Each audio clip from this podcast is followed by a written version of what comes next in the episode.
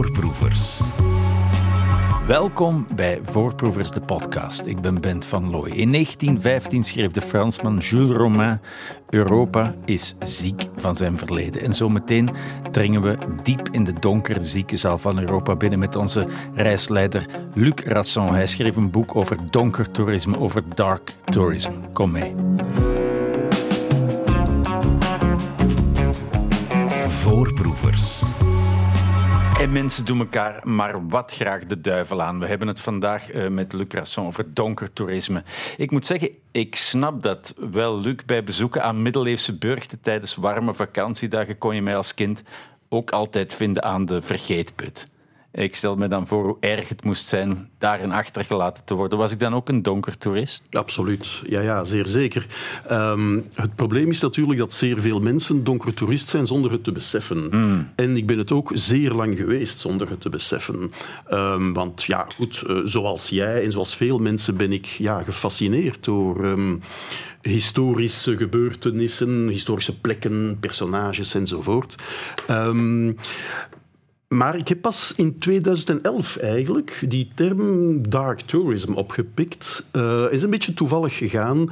Ik was toen net terug uit een, van een reis in Litouwen, mm -hmm. hè, waar ik ja, uh, een aantal interessante dingen gezien had in verband met de geschiedenis van de 20e eeuw. Misschien kunnen we het daar straks nog over hebben. En toen ik thuis kwam, dacht ik, ik ga daar iets over schrijven. En dan tijdens mijn onderzoek botste ik op die term dark tourism. Ja. En wat bleek, uh, sinds de jaren negentig eigenlijk is die term gemunt in de Anglo-Saxische wereld uh, door Britse onderzoekers die in 2000 een boek gepubliceerd hebben. Uh, de, de, auteurs zijn John Lennon, niet de, nee, de, de andere, maar een, een, andere, en Malcolm Foley. En die hebben een boek gepubliceerd, dus Dark Tourism, The Attraction of Death and Disaster. Ja. En toen kwam ik tot de vaststelling dat ik tijdens mijn rondreis in Litouwen een donker toerist was geweest. Zonder het te beseffen. Uh, nu, die vergeetputten, dat is iets van heel lang geleden. Jij focust je voornamelijk op de 20e eeuw. Je ja. noemt die ook in, in de inleiding de eeuw van de megadood. Ja. Wat is dat?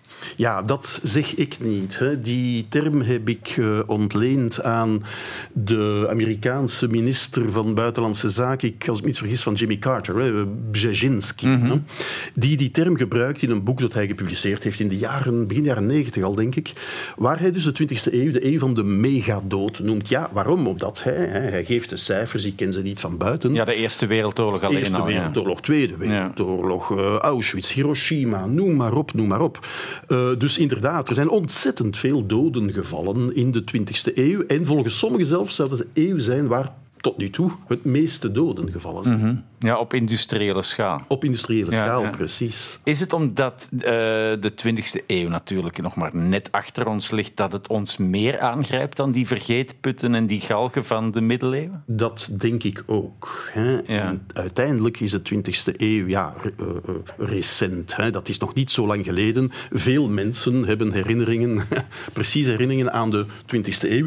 Hoewel natuurlijk ja, de tijd gaat verder. Er zijn nog weinig mensen die herinneringen hebben aan de Tweede Wereldoorlog, mm -hmm. Bijvoorbeeld.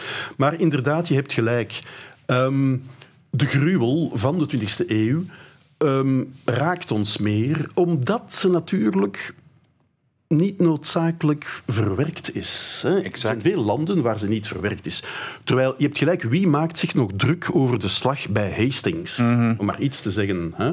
Uh, maar ja, maar Auschwitz, Hiroshima, dat is iets anders. Ja, hè? ja. en in, in je boek uh, merken we ook dat ja, in landen als, als Italië en Spanje die wonden nog niet helemaal geheeld zijn. Daar, daar gaan we straks uh, naartoe. Nu, uh, zijn mensen altijd dark tourists geweest of is dat iets van de laatste eeuwen?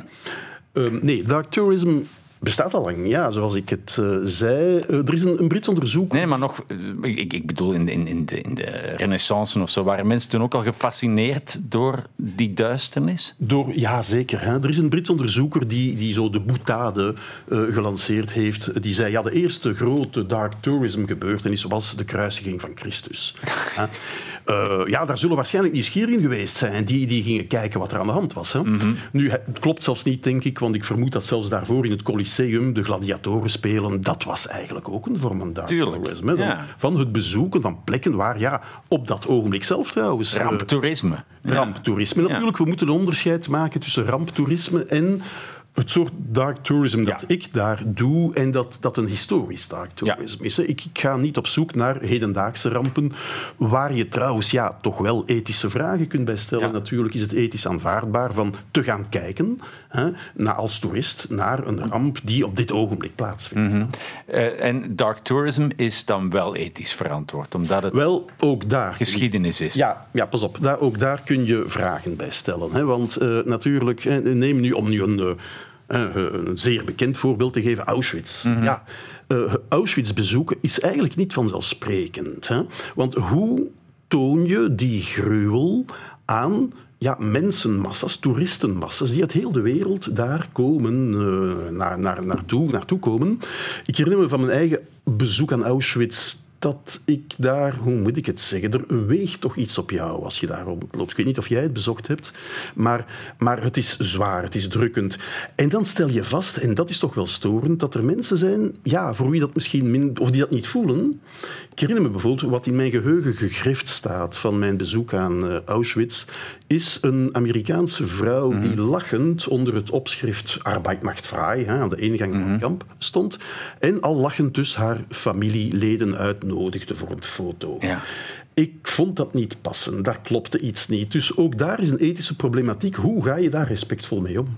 Ja, zeker. En ook, eh, je, je schrijft ook in je boek dat het chockerend is van in Krakau, een stad op 70 kilometer verder, eh, eh, eh, toeristenbusjes te hebben die langs het ghetto voeren, langs het Schindler Museum. En langs... die Auschwitz-tours aanprijzen en zo die hele commerciële exploitatie, ja, dat stuit toch wel tegen de borst. Hè? Ja, Ja. dan, ja dan, dan is het respect verzoek. Ja. Ja. Ja. Eh, nu we hebben het over geschiedenis. Ehm, een Frans filosoof, Pierre Nora, zei: geschiedenis is niet hetzelfde als herinnering, of herinnering is niet hetzelfde als geschiedenis. Want een herinnering, stel ik me voor, is emotioneel geladen en Ja. geschiedenis in het beste geval rationeel. In het beste geval. Ja, dat is een, klassieke, eh, een klassiek onderscheid hè, dat Pierre Nora in de jaren tachtig al goed heeft eh, verwoord. Hè. Heel kort, herinnering is affectief, Ja. heeft iets magisch, is onkritisch en het, het kan gemeenschappen verenigen. Ja. Geschiedenis, geschiedschrijving, daarentegen zou kritisch moeten zijn, afstandelijk, objectief, zou een universele roeping moeten hebben, enzovoort. Dus inderdaad, herinnering en geschiedenis of geschiedschrijving zijn twee zeer verschillende dingen. En toch merk je, dat gaan we straks ook zien, dat ja, die objectiviteit, zogezegde objectiviteit van de geschiedenis een moeilijke oefening is. In Uiteraard. musea en, en, en Uiteraard. ja. gedenktekens. Dat Ja, spreekt vanzelf, ja. ja oké. Het dus- is een streven. Ja, en jij probeert in het boek ook eh, de plekken, de, de, plekken waar het onheil geschiet is, op een rationele manier te benaderen. Lijkt me niet makkelijk wanneer je bijvoorbeeld in Rome aan de Piazza, eh, Piazza Venezia op dat balkon staat, Ja. waar eh, Mussolini zijn redenvoeringen hield. Ja. Hoe, hoe beschrijf dat gevoel eens? Toen ik daar stond op dat balkon, Ja. wel, mijn belangrijkste vaststelling was dat dat balkon minuscuul is. Ik, dat, ik had me voorgesteld dat dat een groot, majestueus balkon was. Maar nee, daar kan amper twee man op staan. Dat was mijn gevoel. Dus ja, het is niet dat ik daar grootse eh, historische inzichten had of zo. Ja. Ehm, nu, heb je het gevoel dat je ehm, een dictator als Mussolini beter begrijpt omdat je in zijn kinderkamer hebt gestaan? Dat is een goede vraag. Zover zou ik niet gaan. Het is natuurlijk boeiend om die plekken op te zoeken. Hè? Ehm, kijk, de vraag die ik mij stel als ik dergelijke plekken opzoek. Ik heb inderdaad een aantal huizen van Mussolini bezocht, waar hij geboren is, waar hij Ja, gewoond heeft. Predapio, hè, een belangrijke plek. Inderdaad, waar hij geboren en nu begraven is. Eh, maar ook, ik heb de, de, de verblijfplaats van Franco bezocht, van in Bulgarije van de communistische dictator Todor Zhivkov. En de vraag die ik mij dan stel is, en dat interesseert mij vooral, hoe gaat men daar vandaag mee om? Hoe stelt men dat voor? Ja. Dat is de vraag. Hè? Eh, want je ziet dan eigenlijk dat er rond Mussolini en Franco ja, toch wel wat omkadering is. Hè? En ook die goh, ook in de kritische richting gaat. Ja. Maar Dus bijvoorbeeld... dat zijn goede musea dan? Of goede... Wel, in dat geval zou ik dat wel zeggen. Ja, eh, daar in, eh, in, in Bulgarije, op 50 kilometer van Sofia, ben ik daar naar het geboortehuis van Todor Zhivkov gegaan, waar dus ook zijn ver- verblijfplaatsen, met een museum ook. Maar dat museum is eigenlijk hetzelfde als dat wat er al stond tijdens het communistisch regime. En je had daar dus enorme vitrinekasten met alle cadeaus die Zhivkov gekregen had van buitenlandse staatslieden. Mhm. Onder meer veel westerse staatslieden, trouw de Gaulle, Helmut Schmidt enzovoort. En het was eigenlijk onkritisch. Het was nog altijd eigenlijk de ophemeling van de grote leider, die geapprecieerd werd door leiders uit andere landen enzovoort. Was het En een privémuseum of was het een, staatsmuseum? Want dat is nog een weet ik verschil. niet zeker. Ik denk dat het, nee, dat ik denk dat het staatsmuseum Ah. is, dat al bestond onder het regime. En pas op, mijn bezoek is recent, hè, want ik was daar gewoon in 18 of 19. Mhm. Dus toen ook nog was daar eigenlijk geen enkele kritische om, omkadering. Ja, nu ook, ook, ook in Italië is dat niet altijd zo. hè. De, het- Ja. de geboorteplek dan wel, maar er is ook een plek als Villa Mussolini. Toen je daar aankwam, was er een soort van feest van de vrienden van eh, aan de gang. Ja, kijk, het zit zo. Eh, ik was daar in Predapio, hè, in Emilia-Romagna, eigenlijk op het ogenblik van de verjaardag van Mussolini, 28 juli. En eh, inderdaad, de, je hebt daar de Villa Carpena, die een van de woningen was van Mussolini in de buurt. En ja, natuurlijk, om de verjaardag van hun idool te vieren, hadden die neofascisten een feestje gebouwd. Hè. En, eh, maar ik ben er niet naartoe geweest. Ja, ja. Ik had kunnen gaan, van mijn vrouw en ik hebben overlegd en eh, we zijn niet gegaan, we zijn Sanderdaags teruggegaan. Maar inderdaad, dat is een, eh, hoe moet ik het zeggen, dat is een herinneringscentrum dat volledig in het teken staat van de, de Duce en van een kritiekloze bewondering voor, de, voor Mussolini. hè. Eh, dat klopt, maar dat is niet, wordt niet uitgebaat door de staat, hè, Nee. eh, om, om duidelijk te zijn. Ja. Nee, Maar je hebt daar inderdaad ook souvenirwinkels waar je Ja. Duce, schroevendraaiers en wijn kunt Van kopen. Van kopjes met beeldenis van de Duce, eh Mein Kampf in alle mogelijke talen enzovoort. Wa-. Wapens, wapens ook. Ja, ja, ja, ja. steekwapens. Ongelooflijk, ja. ja. ja, ja. Nu, dictaturen drukken graag een stempel ook op de openbare ruimte. En dat hoeft niet altijd heel subtiel te zijn. Ik, ik herinner mij mijn bezoek aan Eur, hè, die, die wijk Ja. in Rome. Ja. Helemaal volgens eh, de fascistische architectuur. Die Ja. Colosseo Quadrato, een soort fa- fantastisch gebouw. Ja. En als je daar rondloopt, word, word je echt een mier hè, als mens.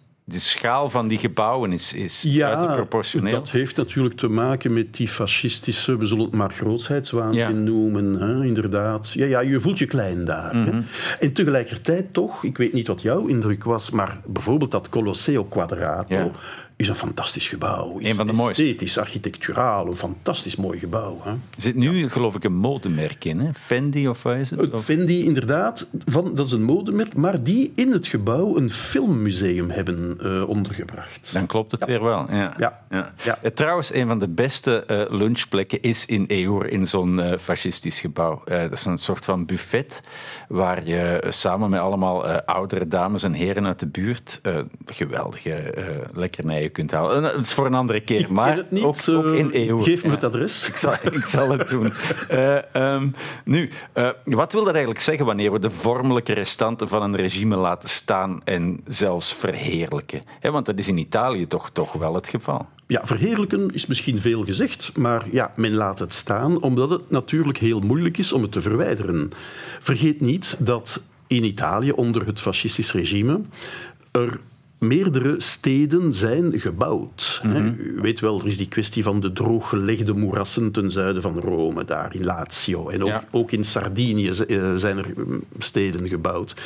Wel nu, die steden bestaan, daar wonen vandaag honderdduizenden inwoners. Die steden zijn gebouwd volgens de fascistische architecturale criteria. Die dan weer op de Romeinse gestoeld was, in de renaissance. Ja, En- eigenlijk, ja. ja. pas op, laten we zeggen wat, wat ik nu snel Ja, fascistische architectuur noem. Italianen noemen dat rationalismo. Wat, wat eigenlijk een, een eh, hoe moet ik het zeggen, een variante is van de modernistische architectuur, Strak. begin 20e Ja, ja, eeuw, strak. Maar dat is juist het verschil. Het rationalisme introduceert daar dan toch wel een decoratief element in. Het is, het is mooier en aantrekkelijker dan de pure, koele, Ja, ja, ja. koude vormen van het modernisme, zie je? En kijk, Maar in die steden zijn er overal kleine merktekens nog aanwezig van, van die tijd. En dat, dat vond ik wel... eh, Wel, wel. Wat, wat interessant is inderdaad, want je, je rijdt binnen in die steden en je ziet dat dit is fascistisch territorium, architecturaal gesproken. Hè? En voor ons is dat een beetje bizar.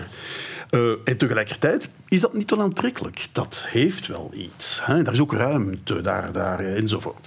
Nu, inderdaad, die, blijkbaar, ja, omdat die mensen zich misschien toch wel ergens slecht voelen, tussen aanhalingstekens, over hun verleden, brengen ze op bepaalde plaatsen borden aan, historische borden. Ja. Herinneringsborden ook, hè, met foto's uit de jaren 20, 30, op het ogenblik dat men die steden bouwde. En dan zie je dat het discours van die borden eigenlijk ja, niet verheerlijkend, maar wel heel relativerend Ja. is. En toch, de uiteindelijke boodschap is, kijk, wij hebben dit te danken aan Mussolini. We gaan hem hier niet afvallen. Het is geen verheerlijking. Maar er gaat wel een dak boven ons hoofd. Ja, precies. Dat het er redelijk strak Precies. uitziet. Ja. Ja. Maar ook, ook kle- kleine eh, ehm, ja, eh, symbooltjes van die tijd zie je nog op stadsbanken en op... eh, Oh ja, dat is merkwaardig. Straathoeken In, en- in ja. Latina, hè, dat is de belangrijkste van die nieuwe steden in Lazio. Latina. Onder het regime heette dat Littoria, Ja. naar een fascistisch symbool. Na de oorlog hebben ze dat moeten heromdopen. Dus Latina, dat is de grootste van die nieuwe steden. Inderdaad, daar zie je overal nog, hè, bijvoorbeeld in het hekwerk van, ik weet het niet, van woningen, een M, de M van Mussolini. Mhm. En dan wat daar vooral fantastisch is, enfin, fantastisch, eh, merkwaardig, wat, waar, waar ik toch van, van, van schrok, het stadhuis van Latina.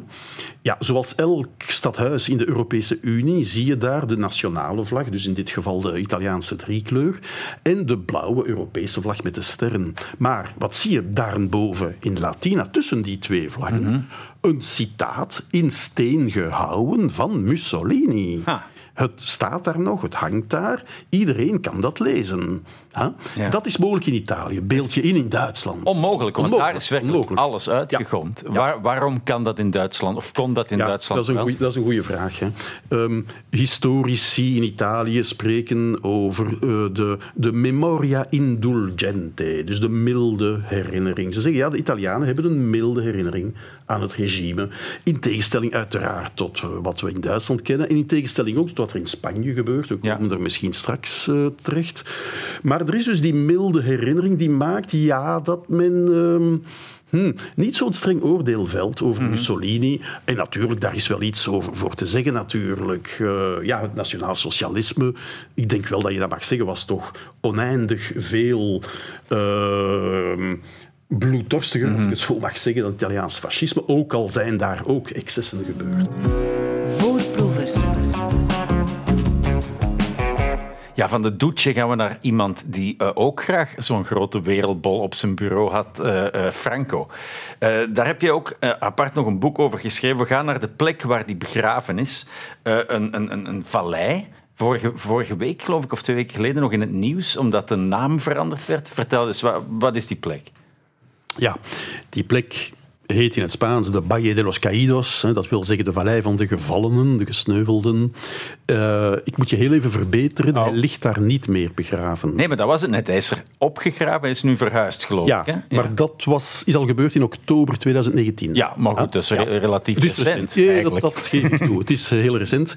Ja, kijk, die Valle de los Caídos is een eh, merkwaardig monument in de rotsen uitgehouwen basiliek en een klooster en een ossuarium waar 33.000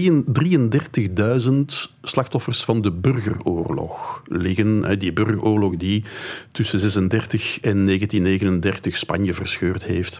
Maar burgers van één kant, kan ik me voorstellen. Of, of van beide kanten. Ah, Dat is een complexe eh, situatie, vooral ja, Frankisten, maar Ja. er liggen ook republikeinen. Ah ja. Er liggen ook republikeinen, absoluut. Een bombastische plek. Maar pas op, republikeinen die daar eh, meestal tegen de wil van hun familie zijn naartoe gebracht. Hmm. Eh, ja, een bombastische plek. Bombastisch is het juiste woord. Grandioos, bombastisch. Ja, ja absoluut.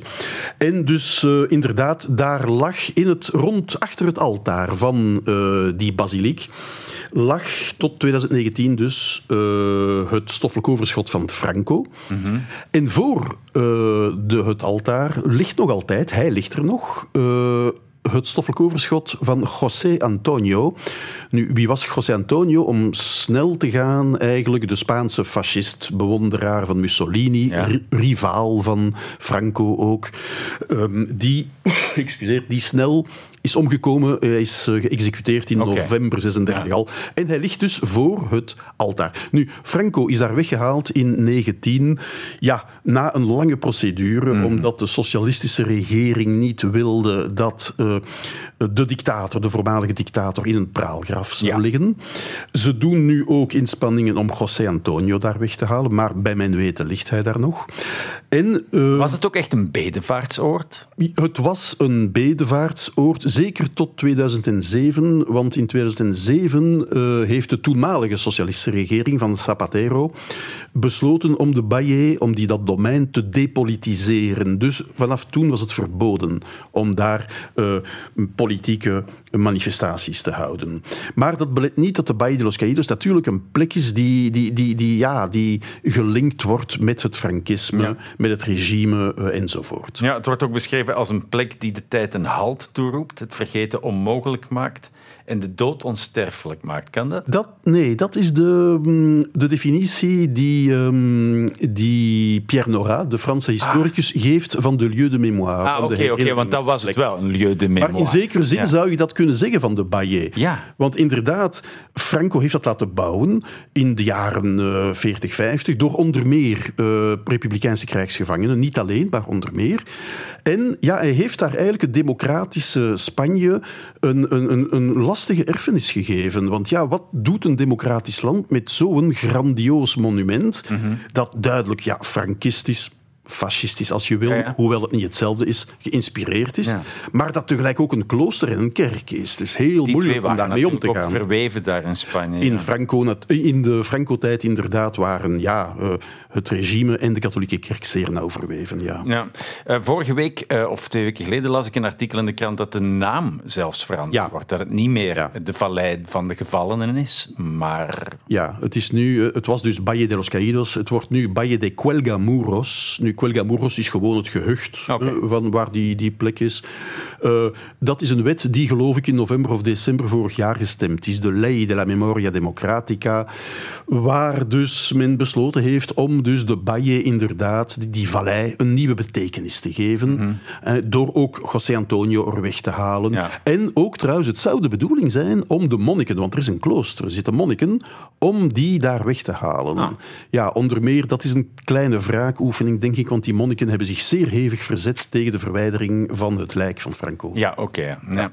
We zullen zien hoe dat afloopt. Ook wel grappig, eh, het gebouw zelf. eh, mensen lachen er wel eens mee, omdat de vier biermerken van Spanje verwerkt zijn in de architectuur. Nee, dat is niet daar. Niet daar. Niet dat is waar. ergens anders. Dat is in Tortosa, Ja. eh, in, de, in de Ebro, hè, de Ah, rivier. ja, ja, ja, ja, ja. En inderdaad, daar, daar, daar is een monument geplaatst in 1964 door, door de Frankisten dus. En een beetje een bizar monument. Er staat een foto in het Ja, ik zag het, Het is een ja. beetje een bizar Ja. metalen monument waar je inderdaad eh, de vier, termen, vier sorry, namen van Spaanse bieren in terugvindt. De Victoria, de... Estrella. Ik het al vergeten. De Estrella, de Ster en zo, inderdaad. Nee, ik, ik zat al te kijken naar die basiliek en ik vond ze niet, de biermerken. Dus dat was Nee, nee, daar. denk ik zijn geen biermerken te zien. Nee. Nee, nee. Oké, ehm, nu, eh, ja, we, we, we- we moeten naar eh, nog andere duistere plekken eh, in, in de geschiedenis. Ehm, het gaat, eh, ja, we kunnen natuurlijk niet buiten, eh, buiten Litouwen. Je begon er al mee, Letland en Litouwen. Twee Ja. landen die verscheurd waren tussen het nazisme en het Sovjetregime anderzijds. Allebei bezetters. Ja, Ehm, die twee landen hebben een zeer- minder bekend hier. Minder bekend hier. eh, ja, ho- hoewel ze nu ook deel uitmaken van de Europese Unie. Hè. Ehm, boeiende landen, maar inderdaad een tragische geschiedenis in de 20e eeuw. Hè. Eh, daar is ook mijn donkertoerisme begonnen. Hè. In 2011, dat was mijn eerste reis. ja. Waar ik mij een beetje bewust geworden ben van ja, wat ik deed eigenlijk. En dat ik zin had om erover te schrijven. Kijk, wat mij daar boeit, is wat een Franse onderzoeker de concurrentie van de slachtoffers heeft genoemd. Mhm. Concurrence des victimes. Ehm, waar gaat het over? Eh, kijk, in, als je nu Litouwen neemt, je hebt daar enerzijds eh, de Sovjetbezettingen. Er zijn er twee geweest, hè, 39, 41 kort. Dan is er de Duitse inval geweest. En vanaf 45 tot, wat is het, 90, 91. Weer on, achter het ijzeren gordijn. Ja. Ja, voilà. Dus eh, dat, die naoorlogse periode, in- deel van de Sovjet-Unie, meer dan een bezetting, deel van de Sovjet-Unie. Goed, en dus de Litouwers beschouwen zich terecht als slachtoffers Ja. van de Sovjets. Hè, want vergeet niet, dat is gepaard gegaan met de deportatie van tienduizenden Litouwers Ja. naar Siberië, folteringen, executies enzovoort enzovoort. Goed, dat is één aspect van de zaak. Maar anderzijds was er natuurlijk in Litouwen een zeer grote, belangrijke Joodse bevolking.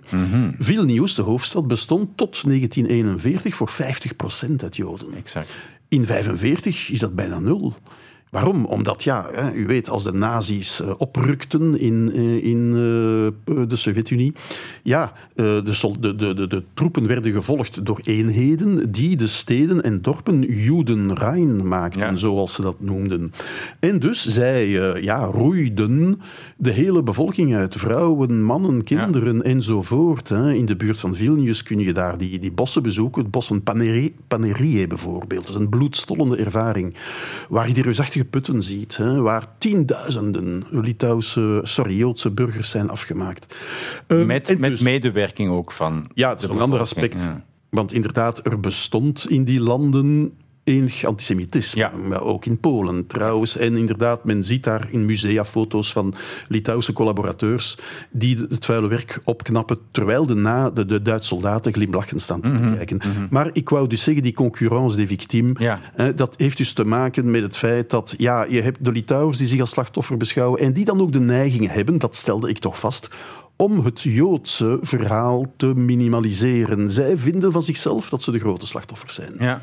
Ja. Dat zag je ook op het strand in Skede. Het, het, het- Dat is in Letland? Ja, in Letland. Soortgelijk verhaal, niet helemaal hetzelfde, Ja. maar een beetje, eh, beetje soortgelijk. Ge- Gelijkaardig, ook Ja. daar met lokale col- collaborateurs die het vuile werk Ja. deden en zo. Ja, ja. Het, het zuidelijkst gelegen ja, vernietigingskamp van de nazi's, zou je kunnen zeggen, die Skede, of niet? Zuidelijk.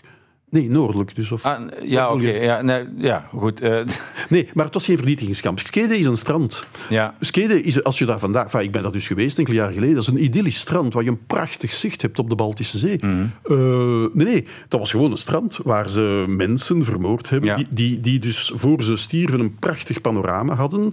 ehm, en die daar begraven werden op dat strand. Maar dat was geen kamp. Nee, maar ook, eh, ook daar werd er eerst en vooral de nadruk gelegd op, op de tragiek van de, de lokale bevolking. En pas Ja, veel later werd dat gecorrigeerd. Precies. Ja. Ja, ook in de, in de tijd van de So- Sovjet-Unie stonden daar wel gedenkstenen, maar, eh, of, of herinneringsplaten. En, en die zegden dan, kijk, eh, hier werden zoveel Sovjetburgers vermoord. Ja. Ze spraken niet van Joden, Ja. ze spraken van Sovjetburgers, zie je. Ehm, En dat werd dan pas veel later eh en recent natuurlijk, ja, is daar wel andere duiding bij gekomen, Ja. uiteraard. Ja. Eh, dan zou ik nog graag naar één plek willen gaan die, die ik heel opvallend vond in je boek en waar ik eigenlijk nooit iets over gelegen had, eh, gelezen had, die Trieste. Ja. Een plek op de grens tussen voormalig Joegoslavië en Italië. Eh, in in, in, in eh, de lokale taal schrijf je het zelf zonder klinkers. Trst. Ah, lokaal, ja, pas op, in het uh, Kroatisch of Sloveens. ja, ja. Turst, inderdaad. Ja, ja. T-R-S-T, inderdaad. Ja. Ja, ja. Maar daar, daar, ja, daar, daar- ook daar zijn verschrikkelijke dingen gebeurd. En het is eigenlijk een hele mooie testcase voor wat er in Europa is misgegaan. Ja, ja, Triest is een, een boeiende casus, inderdaad, voor een donker toerist. Hè. Goh, ik, hoe moet ik dat kort samenvatten? Ehm, ja, je moet weten dat er in het, in het gebergte boven Triest, het Carso-gebergte, daar zijn diepe kloven. 100 tot 200 meter diep. Eh, ze noemen die de Foibe in het Italiaans. Nu, in mei 45 eh, nemen de partizanen van Tito, de communisten van Tito, nemen Triest in. Goed. Eh, dat gaat gepaard met een genadeloze repressie van uiteraard fascisten, Italiaanse fascisten, maar ook, ja, volgens sommige historici, ook van veel Italianen. En sommige historici durven zelfs het woord ja, etni- etnische zuivering in de mond nemen. Hoe dan ook, hoe zijn die mensen aan hun einde gekomen? Die zijn ehm, al dan niet levend in die putten gegooid, in die foibe. Ja. Uh, een afschuwelijk einde hebben die gekend. Hè. Daar zijn ja, honderden, misschien wel duizenden mensen die op die manier aan hun einde gekomen zijn. Ja. En die kwestie van die foibe ja, is een kwestie die in Italië uh, nog altijd eigenlijk gevoelig ligt. Hè. Ook omdat het nu ja, uh, collega collega's zijn binnen de Europese Unie, Mhm. Slovenië, Kroatië enzovoort. Ik heb Want daar voel je die spanning nog enorm tussen, tussen de Ja, e- toenmalige vijanden. Of... Ja, enorm. Ja, ja, toch wel inderdaad. Je voelt het toch wel ergens. Hè. Uh, al was het maar, ik citeer het in mijn boek, dat Slovenië en Italië, beide lid van de Europese Unie, er niet in geslaagd zijn tot een gemeenschappelijk verhaal te komen over die kwestie. Mhm. Um, maar in, ja, die foibe, daar situeert zich ook een van de meest intense ervaringen die ik heb gehad als donkertoerist. Um, Daarom wilde ik er naartoe, ja. Ah, oké. Okay. Want de meeste van die foibe, ja, daar is geen hoe moet ik het zeggen, daar is geen herdenking rond. Er is Mhm. er één waar wel een klein museum is en een enkele herdenkingsteksten uh, uh, enzovoort. Maar ik wilde ook zo'n foiba gaan opzoeken die niet herdacht werd. Hè. Mhm. En ik heb daar enige moeite voor moeten doen uh, via ja, de, de, de, de, lectuur die ik daar rond had. En uiteindelijk heb ik die foiba gevonden. Dat was in de herfst van 2016. En ik herinner me nog, ik stond daar moederziel alleen op een tapijt van vochtige herfstbladeren, bang om uit te glijden, mm -hmm. in het besef dat op die plek, in mei 45, 20, misschien 30 mensen, misschien levend, in, in die put gegooid ja. En ik stond daar moederziel alleen. Dat was en hoe moeten we dat ons voorstellen? Is dat als een, zo diep als een gebouw? Of, uh... Nee, het is eigenlijk een, een kloof, een, een gat in, in, in de grond. Ja. Er staat een foto in het boek, Ja. maar je ziet het niet zo goed. Mhm. Het is gewoon een kloof, een put in de grond. Maar die is wel 150 meter diep. Wauw. Ja. Ja. En, um, en dus, ik, ik stond daar moederziel alleen eigenlijk een hulde te brengen aan, aan die mensen die eigenlijk in de vergeetput van de geschiedenis zijn terechtgekomen, Ja. of van de herinnering. En dat is natuurlijk een sterke ervaring die je kunt hebben als, uh, als donkertoerist. En dan komt het heel dichtbij. Dan komt het heel dichtbij. Um, want, ja, ik weet niet, misschien gaan we daar nog over spreken. Um, de sterkste ervaringen heb je eigenlijk buiten, ik zou zeggen, elke museale context. Dat is wat ik wou vragen, want ieder museum heeft wel zijn eigen boodschap. Hè? Hoe Precies, neutraal men zich ja. ook wil uh, uh, profileren. Een museum is zelden onpartijdig.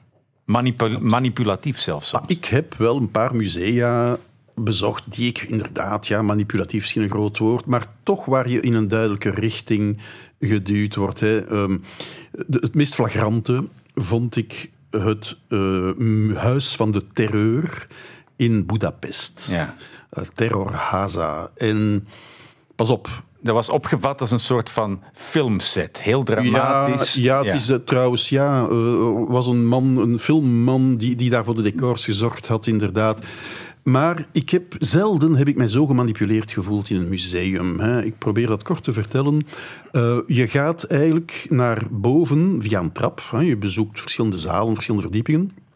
Maar eens boven gekomen kun je niet meer naar beneden via de trap. Ja. En word je verplicht een lift te nemen. Opgelegd... Volgens het tempo dat zij willen. Wel, dus je wordt gedwongen. Dat is een opgelegd traject. Ja. En uh, oké, okay, uh, stond massa volk voor die lift. Uiteindelijk, ik stap daarin. Een ruime lift, 15, 20 Mhm. mm -hmm. man. En dan, eens dat de deuren dicht waren, gingen de lichten ook uit. Je stond daar in het donker. En dan ging die lift tergend langzaam, millimeter voor millimeter naar beneden. Mhm. Mm -hmm. En ja, mensen dachten dat er een technisch defect was. Dat dacht ik ook. Ik dacht, ja, we zitten hier opgesloten. Klopt niet. En plots uh, flitst er een, een, videoscherm waar een man begint te spreken in het Hongaars met Engelse ondertitels. En dat was een man die de executieruimte schoonmaakte onder het regime. En hij doet zijn verhaal.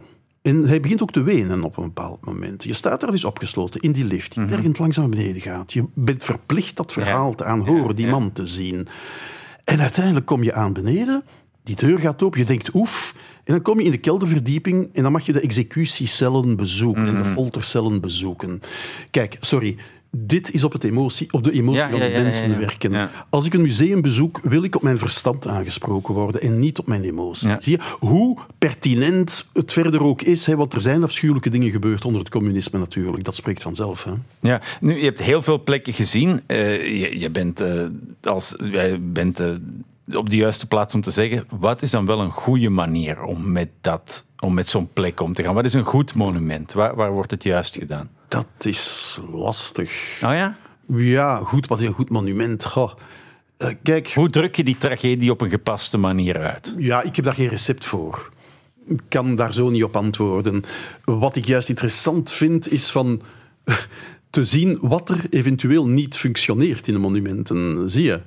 Uh, of hoe, ja, hoe men ermee omgaat op een democratische wijze. Misschien ja, zou ik zo kunnen antwoorden. Ik denk aan sommige Spaanse monumenten die ik gezien heb, Frankistische monumenten, voor Spaanse Frankistische generaals. Wel nu, de meeste van die monumenten, als ze buiten de steden staan, vaak op afgelegen plekken, mm -hmm. uh, zijn het voorwerp geworden van vandalisme, van graffiti. En worden overwoekerd door de natuur. Ja, ja. Misschien is dat nog zo geen slecht idee van die monumenten te laten overwoekeren door de natuur. Dat Ja. de natuur haar rechten opnieuw opneemt, zie je? Ja, je, je breekt het niet af, je onderhoudt het niet, maar je vergeet het en daardoor... Nou, het wordt een ruïne. Ja. Het wordt een ruïne, maar tegelijkertijd wordt die ook gedesacraliseerd. Ja. Bijvoorbeeld, ik herinner mij, het was een reusachtig monument voor een Spaanse generaal, eh, Sagardia. En, en kijk, iemand had daar een graffiti op geplaatst, een reusachtige penis. Ja. Bijvoorbeeld. Totale desacralisatie. Kijk, ik denk dat we zijn wel moeten zijn. Luc Rasso, enorm bedankt eh, om ons mee te nemen naar al die naargeestige plekken. Jouw boek Donker Toerisme ligt eh, nu in de boekenwinkel. Hartelijk dank. Graag gedaan. Dit was Voorproevers de podcast eh, met Luc Rasson over donker toerisme. Voorproevers.